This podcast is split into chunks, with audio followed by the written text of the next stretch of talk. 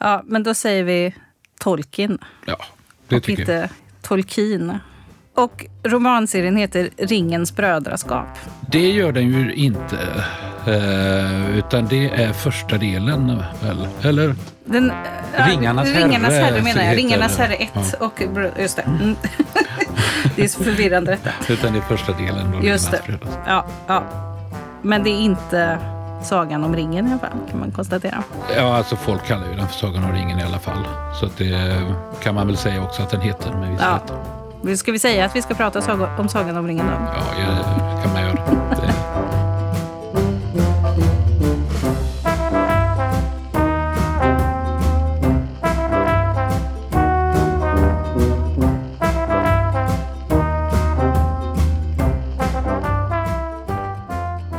Hej och varmt välkommen till den litterära salongen Banbrytande berättelser.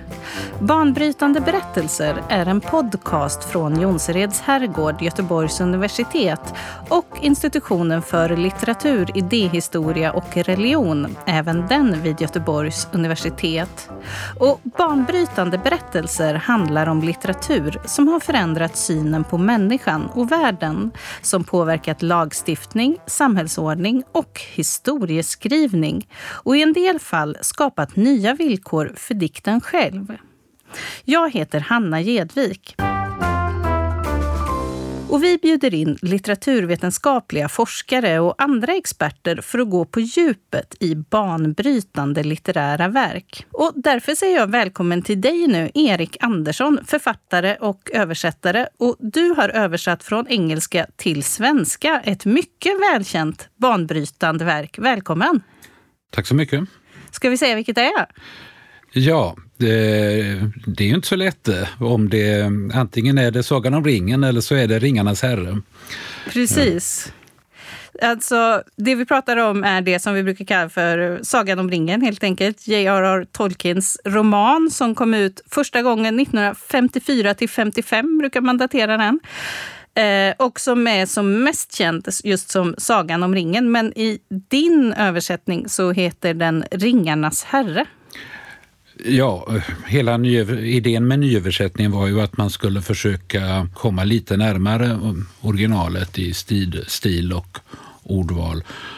Och då heter den ju The Lord of the Rings eh, och det betyder ju liksom Ringarnas herre. Precis. För eh, du fick det här uppdraget att översätta den här trilogin och din översättning kom ut 2004, kom den första va? Ja, just det. Och det var innan dess så hade det funnits en annan svensk översättning som, eh, av Åke Olmark. Och den kom 1961 Jag tror det var kanske. 59, 60 och 61. Just det, den kom ut i den. Precis. Hur kom det sig att man ville göra en eh, nyöversättning just då? Jag tror det var för att ehm, eh, filmerna hade ju börjat komma då i början av 2000-talet. eh, och det eh, blev ju en eh, otrolig succé, alltså de här filmerna. Och eh, det medförde ju också att eh, den svenska översättningen började sälja igen otroligt mycket. Ehm, och då kan jag tänka mig att man, det var ju en översättning som hade fått mycket kritik genom åren. Och ehm, förlaget tänkte väl till slut när de hade kasserat in så mycket pengar på den igen att eh, kanske ändå skulle göra en ny översättning då. Det, det kan man göra med jämna mellanrum och eh, här kanske var då sä- särskilt eh, påkallat. Och vad skulle du säga, vad blev den största skillnaden i din översättning jämfört med den som fanns tidigare? Ja, den största skillnaden är ju stilen. Att, att eh, man kan säga att Åke Olmarks eh, översättning är ju eh, ett återberättande i, i en annan stil som är mycket mer, eh, ska man säga, kåserande. Eh, tolken är, är mer åter, återhållen och det är inte så mycket glada utrop eh, hos honom som det är hos, eh, hos Olmarks. Just det. Men det var också väldigt intressant. eh, Som jag tror det var många som fick syn på vad en översättning är på det här viset. För då kunde man ju liksom se att ja, den här nya översättningen, den, eh, den låg väl närmare originalet och, och det ena med det andra. Men jag tror många märkte att de ändå föredrog den gamla översättningen. För att det, det, spelade liksom ingen roll. Hade man läst den gamla översättningen när man var 10, eller 15 eller 20 år och man hade kanske läst om den många gånger också då var det ju det som var verket. Och faktiskt en rolig grej. När den första upplagan kom ut så hade boken en sån där gördel eh, där det stod nyöversättningen av Sagan om ringen. Och det var ju liksom alldeles fel. Det var ju inte Sagan om ringen jag hade översatt, utan det var ju The Lord of the Rings. Det. Eh, men det var, så, det var så inarbetat så att förlag kunde inte ens själva släppa den här eh, titeln som de egentligen hade då övergivit till förmån för Ringarnas herre. In the lands of Middle Earth, legend tells of the Dark Lord Sauron and the ring that would give him the power to enslave the world. Lost for centuries, it has been sought by many and has now found its way into the hands of the most unlikely person imaginable. Hur ska vi försöka sammanfatta handlingen här nu då i den här berättelsen, tycker du Erik? Ja, rent konkret så handlar det ju om den här ringen förstås. um, och den är ju med redan i uh, Eh, Hobbiten då, 1937. Och där är ju liksom ett stort äventyr som... Eh, det är ju egentligen dvärgarna som vill ha tillbaka sina eh, gamla kvarter men det är en drake som har slagit sig ner där och gör livet surt för alla. Ehm, men den är ju så att säga en avslutad berättelse om detta och Bilbo blir liksom indragen mot sin vilja men, men spelar ju naturligtvis då en, en, stor roll för att det här ska gå vägen. Um, men det är ju den där ringen som han hittar och han fattar ju inte vad det är för en ring, uh, Bilbo. Men det lustiga är att Tolkien fattar inte heller vad det är för en ring. Mm. Utan han måste ju ägna en del sidor åt i inledningen till Sagan om ringen sen att förklara att det var lite missförstånd om den där ringen som vi hittade i förra boken. Just det. Ehm, det var eh, i själva verket någonting väldigt viktigt. Eh, detta. Det är Gollum som har tappat ringen. Ja, just det. Och den där ringen är ju... Eh, där finns ju liksom all makt i, i världen så att säga. Och eh, om den där råkar då i orätta händer, i Saurons händer, så är allt förlorat. Frodo, any chance of seeing that old ring of mine again? It's some form of Elvish. I can't read it. Sorry, Uncle. Never put it on, for the agents of the Dark Lord will be drawn to its power. I'm afraid I lost it. It wants to be found. Men vad gör man då med den där ringen? För att eh, den påverkar ju den påverkar hobbitarna väldigt lite egentligen, men det påverkar ju dem också. Mm. Alltså eh, den här Gollum då som har levt med den här ringen i, i, under mycket lång tid i hålorna under det här berget. Han har ju naturligtvis blivit påverkad, men han har inte blivit helt riktigt helt galen ändå, mm. utan han är ändå en hobbit längst, längst eh, inne. Eh, men, vad, men, för att då den eh, inte ska hamna i orätta händer så måste den ju på något förstö sätt förstöras. Men det är ju i stort sett omöjligt att förstöra den här. Ja, eh, varför är den så svår att förstöra egentligen? Ja, den är ju smidd med magi. Den kommer också, även om man liksom gömmer den någonstans, så kommer den att på något sätt locka till sig någon som hittar den när det är dags för det.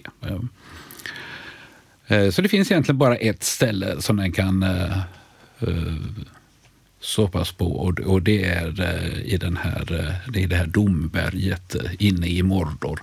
Alltså hemma hos Sauron, så att mm. säga. Det är, det, det är som en slags vulkanaktig grej där med en massa Alltså slänger man ner den där så, så kommer den att förintas. Eh, och det är det enda sättet. Men det är ju väldigt svårt att ta sig dit. Eh, mm. Så det är det som de här... det tar eh, över 1500 sidor innan man har faktiskt klarat av det till, till sist. Det är ju Sauron som är ringarnas herre. Då. Det är han som smider de här eh, magiska ringarna. Ja, det, det kan man väl säga. Och, eh, jag uppfattade det från början som om att det var själva den här eh, huvudringen, så att säga. Att den var så att säga en eh, herre över de andra ringarna. För det finns mm. ju också mm. andra ringar. Ja, just det. Mm.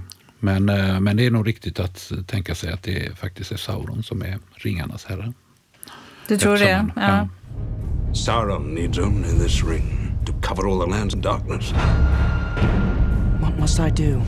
The ring must be destroyed. The ring must be cast back into the fires of Mount Doom. There is evil there that does not sleep. Sauron's forces are already moving. They will find the ring and kill the one who carries it. No! Frodo! Come on, Frodo!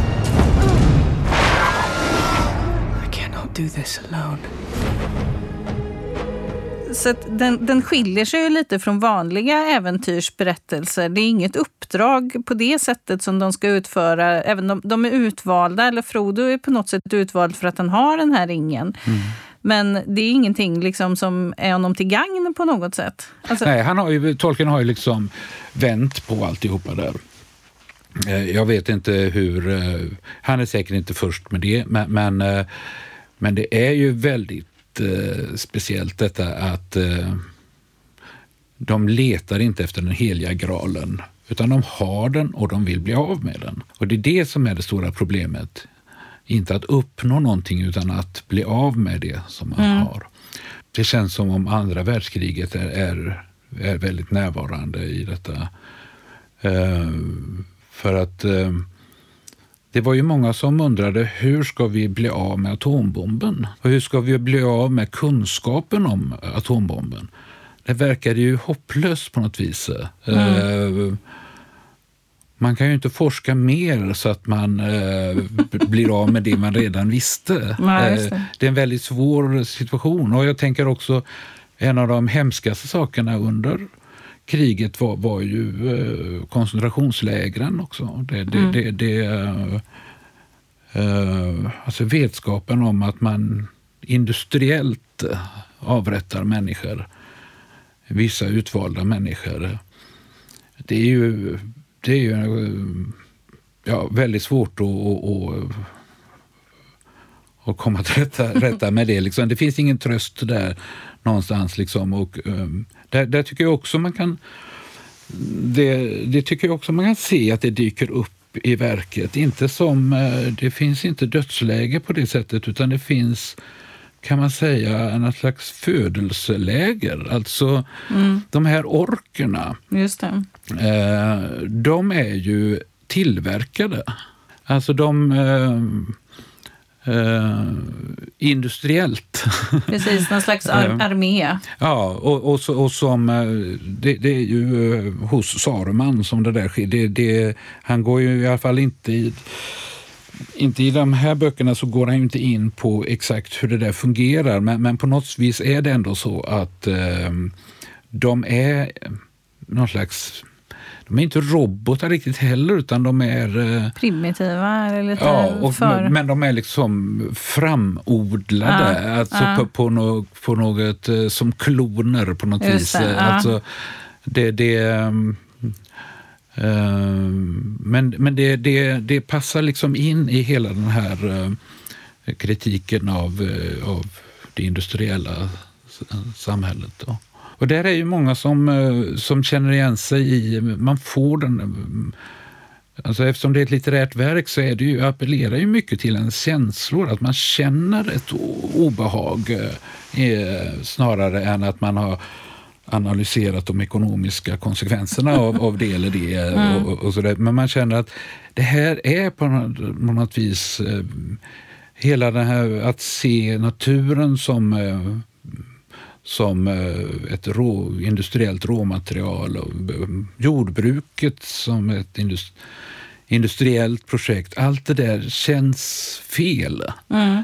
Ehm, och jag menar, nu, nu lever vi ju i en, i en tid när det blir uppenbart att någonting är faktiskt väldigt fel med vårt sätt att, att använda Mm. Det. naturresurserna. Så att, ehm, Du tänker med hela corona, ja, Eller framförallt eh, klimatkatastrofen. klimatfrågan Ja, tänka mig. Att, själv kan jag tydligen bara tänka på corona. Men ja, klimat, ja precis. Ja. ja, det, han, han, var ju, han var ju efter något där, så att säga. Ja, och eh, en typisk Tolkien-läsare kanske är ganska ung, kanske är 12-15 år. Ehm, och eh, kanske inte förmår läsa någon, någon slags eh, ekonomisk eh, eller politisk avhandling om de här sakerna.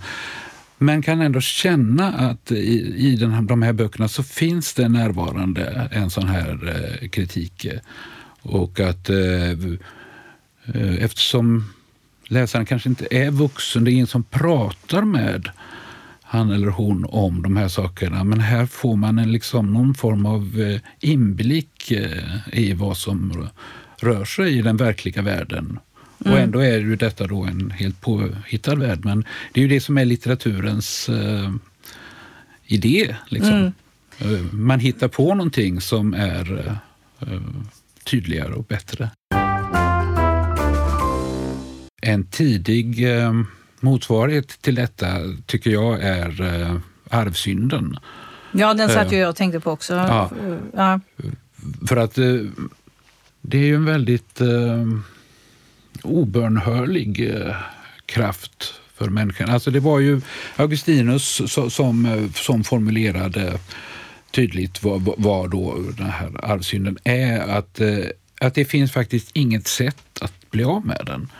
Eh, utan eh, den kommer sig av den, den, eh, den kommer ju från från syndafallet. Så det är straffet för att vi åt av eh, det här från kunskapens träd. Och straffet består i att, eh, att vi hädanefter då ska, eh, vi ska vara okunniga och, vi, allt ska vara svårt för oss och vi ska dö. Mm. Det var ju i Eden så var det ju inte så. Men, men Nej, eh, det är som Fylke. Ja. Ja, ska detta bli vår lott. Och då kan man ju då, man kan göra vissa saker som, eh, man kan döpas till exempel. Det ger ett litet, litet skydd. Och det är ju bra om man gifter sig också. Det, det, det är också, eh, för det är ju den här den onda begärelsen som driver, alltså i själva fortplantningen det är just där som också eh, arvsynden fortplantar sig. Ehm, så det är hemskt uttänkt och det går aldrig att bli kvitt. Men vad man kan göra är ju att vara medveten om detta. Man ska inte tro att ens handlingar automatiskt är goda för att man själv har kommit på dem, så att säga. Utan man kommer hela tiden att vilja göra saker som inte är bra. Men man kan ju tänka också, man kan ju tänka sig att, att eh, nu när jag vill göra detta, ska jag, är det så lyckat liksom egentligen? Eh, eh, man kan faktiskt avstå från att följa sina instinkter och sina idéer. Det är väl liksom den eh, det som Augustinus vill, vill ha sagt. Man kan ju tänka på, på en, en figur som Donald Trump till exempel som aldrig någonsin har ifrågasatt någon av sina tankar. Det, blir liksom, det är den typen av person som man blir utan Om man inte gör sig av med ringen. om man Ja. inte gör, om man ser, Ja, just det. Han har ju också ett sånt problem nu. Han kan inte göra sig av med ringen för att den har liksom... Han är, helt fastbunden vid den Ja, här nu. Ja. Ja, en del drabbas ju hårdare än, än andra. Precis, för det är ju också en ganska enkel tolkning, tänker jag, att, att eh, ringen symboliserar makt. Liksom. Att man korrumperas eller blir förändrad visst, av visst, makt. Liksom. Visst, absolut, så är det ju. Eh, så. Och Frodo försöker också kämpa emot på sitt sätt. Och Gollum har den här lite mer motstridiga eh, dialogen då med sig själv. Ja. Men Frodo hade ju inte klarat sig heller utan Sam. Eh, Nej. För att eh, eftersom han- Frodo själv bär ringen precis intill huden hela tiden i det där snöret. Väl? Så, Mm. så, så, eh, Så eh, han är ju färdig att, att ge upp helt enkelt. Men, men, eh, men då kommer ju eh, Sam är inte riktigt lika, är inte lika påverkad ut och då kan han eh, stötta Frodo. Vikten av att ha då en lojal nej-sägare eller liknande Ja, vid sidan av. Någon som tar, plockar bort den eller styr in den på rätt väg eller Ja, liksom ja. är verkligheten emellan. Apropå, Trump har väl inga nej-sägare omkring sig tror jag. nej det är farligt när man har för mycket makt och inte har det. You are a ring bearer, Frodo. To bear a ring of power is to be alone. I wish the ring had never come to me. I wish none of this had happened. So do all who live to see such times, but that is not for them to decide. All we have to decide is what to do with the time that is given to us. This task was appointed to you. And if you do not find a way, no one will. Alltså vad tycker du som har ägnat så otroligt många timmar åt det här? Jag vet inte hur många timmar tog det dig att översätta det här verket? Ja, det vet jag inte riktigt, men jag höll ju på i fyra år med, med, med de här tre böckerna och den där eh, första då som jag också nyöversatte, den här Hobbiten. Just det. Eh, mer eller mindre. Vad är det bästa då med Sagan om ringen?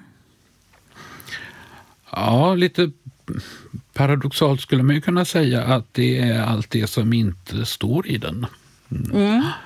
Eh, själva boken är ju en... eh, den är ju lite grann skriven som en pojkbok. Eh, och det är, eh, särskilt när man översätter den så märker man att det är väldigt mycket transportsträckor så att säga. Det är, det är så mycket, det är så långt eh, sträcka som de måste förflytta sig och det är lite tradigt. Eh. Är det tråkigt även för översättaren?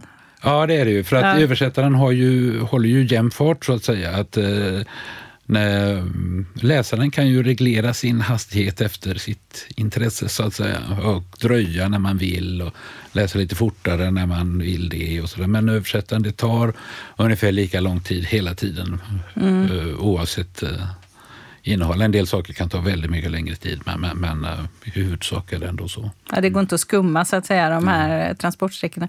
För det, det vet jag, eh, han, han, sagt, han fick ju kritik för att den var så lång men han själv ville verkligen att den skulle vara liksom så lång och kännas så utdragen som jag har förstått det. Ja, ja visst. Det, det, det vill han ju. Men när jag säger att det mest spännande är det som inte finns med i boken så, så, Ja. me- så menar jag då att eh, det här är ju liksom en hel värld som man har skapat. eh, och eh, ett liksom genomtänkt och fullödigt verk. Där kan man på något vis se lite grann runt hörnen också och, och se att eh, här finns mer. Än, än, det här finns liksom, man känner att det är inte tvådimensionellt liksom utan det är man får en upplevelse av en, en, en rymd, en, en, eh, att, det, att det finns andra platser lite längre bort eh, som det inte står någonting om här. Man, har- man, ja, det är, kanske är lite, det är mer en känsla man, man har. Men sen i, i Tolkiens fall så blir det ju eh, också uppenbart med eh, alla de andra böcker han har gett ut eh, som också utspelar sig i den här värld, världen.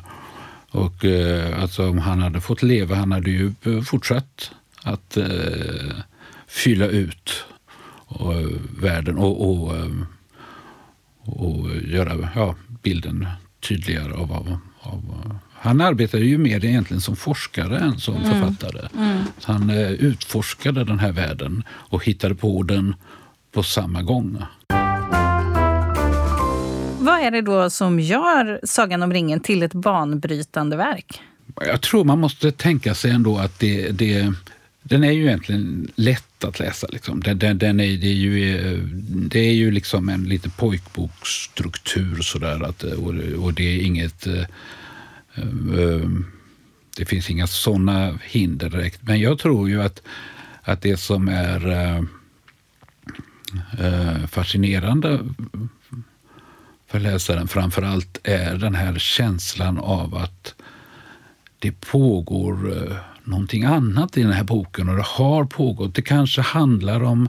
Alltså den är på något vis på en... abstrakt nivå där, där man känner att det här, eh, han berättar egentligen om något, om något annat också. Mm. Eh, dels är det ju så där att de här huvudpersonerna här, de här hobbitarna, de, de, de begriper ju ingenting av någonting och de har ingen eh, kunskap om historia eller, eller någonting sådär. Men eh, i och med att vi följer med dem så, så får vi ju liksom bevittna de stunder när det går upp för dem, ett och annat. Liksom. De, eh, alldeles i början där så kommer de till något ställe som jag kommer inte riktigt ihåg vad det hette nu, men, men, men det, är, eh, det är några kullar. Eh, men det är Skoghall, minns jag att något hette, för jag känner igen det från min värmländska uppväxt. ja, ja, just det.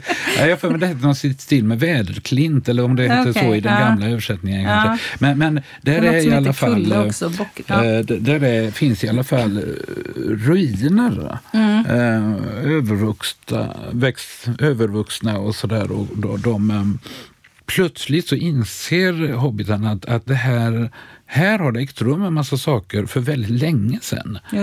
Vi vet ingenting om detta. Det är klart att de inte, det här är ju utanför Fylke, de, de, eller på gränsen där på Mm, något vis. Så de har ju aldrig haft något annat intresse än att eh, röka eh, tobak Mm. och att dricka öl och eh, sköta sitt jordbruk. Liksom. Det har ju varit eh, början och slutet av deras existens. Och, Mm.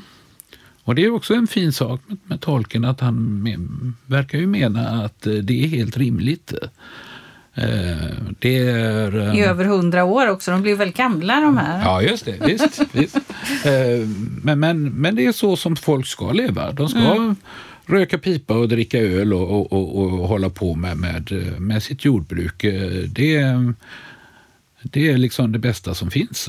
Men så är det ju också så att det, det inträffar saker som gör att eh, de måste på något vis agera. Och det är olyckligt att det är så, men, men eh, tyvärr eh, kan, det bli, kan de bli tvingade att göra det. Läsaren måste ju undra efter ett tag om det finns någon slags koppling till våran värld. Är det liksom en allegori det här? Mordor, det, det ligger där i öster. När den här boken kommer ut så är ju fortfarande andra världskriget är ju i ganska eh, eh, färskt minne. Han skrev den under kriget väl? Ja, han Eller skrev ju egentligen ja. kontinuerligt under... eh, han började, eh, om jag kommer ihåg rätt, precis när han hade lämnat in den första boken Hobbiten. Han det. började direkt då. Mm. Men sen eh, så eh, kom det annat emellan och han hann inte riktigt... eh, Så det var ju olika omgångar Just som det, han ja. som ägnade sig åt detta. Men från, från slutet av 30-talet i alla fall och Ja, så in det. över kriget och så Ja. en bit fram där. Ja. Sen hade han ju personliga erfarenheter också utav krig eh, under första världskriget. Det har ju varit mycket tal om, om hans personliga erfarenheter av, av kriget och eh, men det känns på något vis, tycker jag, som om det är som andra världskriget är mer närvarande i, i den här boken. Men han vill inte själv väl, han, han, han vill inte själv kännas vid att det skulle vara en allegori, att den skulle liksom finnas a- den här typen, utan det här är bara en berättelse om just det här och inget Ja. annat. Ja. Ja, alltså det, det han var, var emot var, var ju liksom att säga att eh, Mordor är lika med Sovjetunionen och eh, den och den eh, att, eh, att Hitler skulle liksom närvara i någon form här då. Så, alltså det, så vill han ju inte att det skulle, att det skulle tolkas Nej. förstås. Eh, Men på något vis så, så, eh, eh, så ligger det ju i den här boken att det är den typen av, eh, någon typ av, av strid som, som förekommer här. Eh, Och Och där de här liksom små, ganska goda varelserna då ändå liksom tar Mm. den här kampen. Men det är ju något mer än, än kriget också, utan det är ju också industrialismen som är den stora onda kraften. Ehm, Den är, den är ju så att säga förknippad med Saruman, eh, kan man säga. Ja. Det finns ett berömt ställe här i, i, i Sagan om ringen när när det här gänget med hobbitar har nått fram till eh, där drottning Galadriel eh, håller till, den, mäk- Mm. den mäktigaste alven i, Mm. i Midgård, eller alvdrottningen. Hon visar dem i en slags spegel där eh, saker eh, ur, ur framtiden som kan komma att ske. Där får Mm. de syn på att, eh, att hela fylke är på väg att förstöras. Eh, och att fabriksskorstenar eh, eh, far upp där eh, och det är smutsigt och det är ja, hela det här landskapet som de är, hela den här världen som de älskar är på väg att förstöras totalt. Då får de ju också lite ny kraft. De är ju väldigt de gillar ju inte äventyr egentligen. Nej, de är ju motvilliga äventyrare. Ja, ja, det är de verkligen. ja. Och, och eh, de vill ju egentligen hela tiden ge upp. Ja. Ehm, Men, ehm, men då förstår den här trogne Sam, ehm, Frodos närmaste vän där, att eh, den här framtiden som vi fick se på i den där spegeln, det måste vi, nu måste vi verkligen, vi kan inte ge upp, vi måste fortsätta för att eh, om det är framtiden så får vi ju ingenting att återvända till. Men är, den är ju ändå ganska naturromantisk, får vi ändå säga, eller? Ja, delvis. eh, Men det är ju på något vis det, det gamla jordbrukslandskapet som, som, som, är, som är det som Tolkien älskar mest. Att den är, han har ju en del skildringar där av skogar till exempel. Det, och det är ju mest kusligt med den där skogen. Eh, Det känns, som svensk känner man ju sig lite, undrar man lite vad som är på gång i den där skildringen. Vi, är ju med, vi har ju en väldigt mycket högre uppfattning om skogen i, i Sverige. Men i de gamla sagorna, alltså när, när, man hade städer och skogar där skogen verkligen var något farligt, där kanske lite den synen, tänker jag, kanske Ja, som det kan, det här. kan tänkas att det, det, det har ju varit gränsområden hela tiden Ja. när, det- när det är. Men vad, vad ska man säga att den kom ifrån från början då? Den här berättelsen, hur kom den till Tolkien? Ja, han påstår ju själv att, eh, att den började med alviskan. Eh, då var han ju väldigt liten. Jag vet inte hur gammal han var, sju, åtta, tio år kanske eller någonting sånt där. Eh, Och han, han började alltså hitta på ett eget språk. Han hade på något vis kommit i kontakt med finska som han tyckte var fantastiskt språk. Eh, Och, och, ja, han började konstruera den här alviskan och, och, och hela den här eh, Sagan om ringen skulle då ha uppkommit av ett behov av en värld för detta språk. Alltså någonstans, man kan ju inte bara ha ett språk utan eh, någon slags varelser som talar språket. Så Och han sen- hittade på alviskan först då? Ja, Förstår jag det rätt då? Ja. Mm. Och, och sen eh, hittade han på alverna och sen hittade han på den här världen de, de bodde i, så att säga. Mm.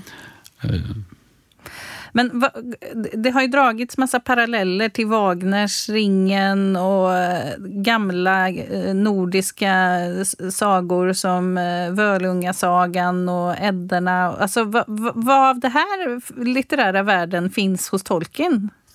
Ja, allt det finns där, skulle jag vilja säga. För, för att eh, samtidigt som han då... Eh, eh, alltså han var ju aldrig heltidsförfattare egentligen, utan han var ju eh, författare vid sidan av. Men hans riktiga jobb, så att säga, var ju eh, ungefär likadant.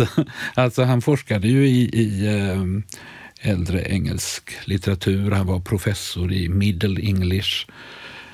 Men kunde ju allting om även tidigare. Beowulf var han ju också expert på, fast det då är lite tidigare så att säga i språkhistorien. Ehm, så han var ju väldigt intresserad av den typen utav, eh, av litteratur och eh, som ju då också Även där är det ju så, man kan inte bara studera språket utan man måste ha någon form av historisk eh, kunskap också. Och eh, någon, någon idé om eh, vilka var det som talade det här, vad ville de, vad bodde de, vad gjorde de? Liksom det, det, um, så att man kan väl säga att han jobbade lite grann på samma sätt eh, i, eh, både sitt yrkesliv och sitt författarliv. Man märker ju att han är ganska nördig på något sätt. Man får en ganska lång introduktion här i början. Eh, han skriver liksom, eh, beskriver olika fenomen som finns i boken och sådär. Och sen kommer de här två första kapitlerna med den här festen, en efterlängtad fest och en skugga ur det förflutna när man får lite bakgrund och sådär.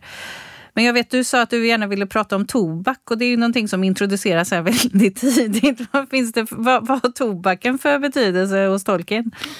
Ja, alltså man kan ju... Eh, jag brukar ju tänka mig det här som en scen från en eh, författarskola, att eh, den unge Tolkien kommer in med sitt manus och, och så tittar man på det och så tänker man att ja, här har du en lång, lång inledning. Det var bland annat ett kapitel som heter Något om tobak. Ehm, det tar ju en evighet innan den här berättelsen kommer igång. Och det var till och med här en, en lång passage där det står att vissa saker som du skrev i en helt annan bok för 17 år sedan du, du har kommit på en ny användning av den här ringen egentligen. Det är det eh, som du vill eh, komma fram till. Allt det här blir alldeles för jobbigt för den tilltänkte läsaren. Vi föreslår här att du eh, stryker hela inledningen. Ja, skulle man kunna, det hade man kunnat säga. Ja. Man kunnat säga liksom. Men eh, det här är ju också en bok som, eh, i likhet med, med många stora verk i litteraturen, eh, så förefaller det inte ha varit så mycket redaktörsarbete. Det är väl folk då som har påpekat vissa saker för honom, men han har ju inte varit särskilt angelägen om att ändra. Jag, men, jag har ju en väldigt hög, själv en väldigt hög uppfattning om eh, redaktörer och tycker att det är, är väldigt bra, men, men det och en bra redaktör skulle ju inte, eller en bra skrivarskola skulle ju inte ge, säga så dumt som jag sa här nyss, eh, att uh, han skulle ha med sin långa inledning. Det är klart att han skulle ha det. Mm. Det här har ju, det har ju visat sig att uh, det är en bok som ganska många kan läsa. Det här. Mm. Det är inget större fel på den kompositionsmässigt. det, det funkar faktiskt. Det har funkat ändå, ja. Idag så har vi ju då det här begreppet fantasy som används ganska flitigt och där det här verket räknas in skulle jag tro. Även om vi kanske pratar lika gärna om det som en äventyrsberättelse. Men det var ingenting som man var bekant med då, antar jag? Begreppet fantasy? Nej, det, det skapades av Tolkien, mm. Eh, kan, kan, man nog faktiskt helt, eh, helt enkelt säga. Det är ju inte så att det, det är den här typen som vi pratade om för en stund sedan, så är, så är ju detta... Det här är ju ganska har ju mycket gemensamt med den litteratur som skrevs för, för uh, över tusen år sedan. Just det. Mm. Och har mycket med de här gamla myterna att göra. Och sen finns det ju också författare från 1800-talet som man kan eh, liksom hänföra till fantasygenren. Men att fantasy överhuvudtaget blev ett begrepp, eh, det, eh, och det var ju helt den här bokens förtjänst plötsligt skulle, skulle alla skriva sådana här böcker och det skulle vara trilogier mm. och det skulle ha en karta. Eh, första man gick upp så skulle det vara en karta över det här landet. Och så där. Alla gjorde, gjorde så. Och det görs ju fortfarande ja, i väldigt stor utsträckning. Ja, ja. Och de här listorna över persongallerier ska gärna vara med och det ska vara väldigt mycket folk och det ska vara... Ja. Ja. Ja, man själv, och där är ju verkligen det, idén att, att skapa en värld så, så, som eh, som verkligen har slagit an. Att, att, ja, det gör ju alla författare. Alla författare eh, skapar ju faktiskt sin värld. Det, det, eh, även om man skriver realistisk litteratur så har man ju ändå skapat en värld. Även om man inte riktigt låtsas om det kanske. Men, men, men att verkligen ta ut svängarna och göra det rent konkret med karta och alltihopa. Det, det, och så måste man ju vara så konsekvent i det också. Det måste man ju allt berättande. Men eh, det har ju också blivit en sån nördgrej inom fantasy på något sätt. Att saker ska stämma överens och det måste finnas en viss konsekvens även i den här ologiska världen. Eller fantasivärlden och sådär som har ja. blivit en... Ja, för det slipper man ju mycket med, med Uh, alltså det, med en realistisk roman så kan man då tänka sig att det som är utanför berättelsen, det är så att säga som vanligt. Om jag inte säger något speciellt så är det som vanligt eh, som vi kan läsa om i tidningen och så vidare. Och så där. Men skapar man en helt ny värld, då, då är ju eh, det är ingen ände på hur mycket man faktiskt måste skapa. Man måste, ha en hel, man måste ju också ha en hel historia.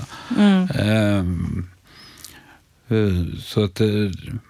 Ja, det behövs en hel världshistoria. Det behövs förklaringar till allting. Ja. Var du handlar dina morötter och ditt kaffe och ja. var tobaken ja. växer eller sådär. Ja, och, och, och um, uh, ja, för tolken var ju detta också då ett, ett livslångt uh, arbete för att för varje sak som han upptäckte hade hänt i den här världen uh, så måste ju det hänga ihop med allting annat.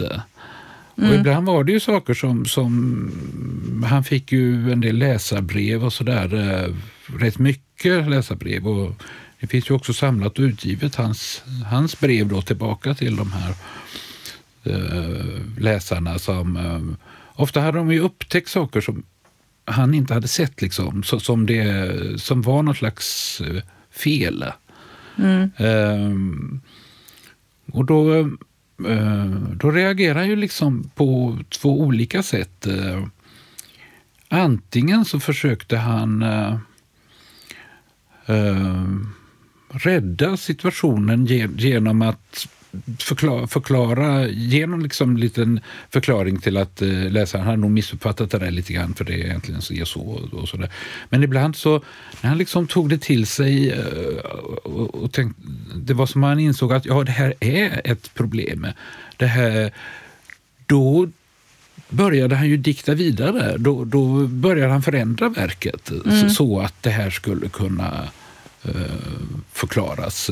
Så han var ju inte en sån där författare som säger att eh, ja, jag menar det jag skriver, det, sen är det slut. Liksom. Mm. Eh, utan, utan han är, det här verket det är hela tiden i, i rörelse. Erik Andersson, tack så jättemycket för att du kom hit till podden Banbrytande berättelser. Tack så mycket. Banbrytande berättelser är slut för idag. Och det här är alltså en podcast från Jonsereds herrgård, Göteborgs universitet och institutionen för litteratur, idéhistoria och religion, även den vid Göteborgs universitet. Jag heter Hanna Edvik och tack och adjö för idag.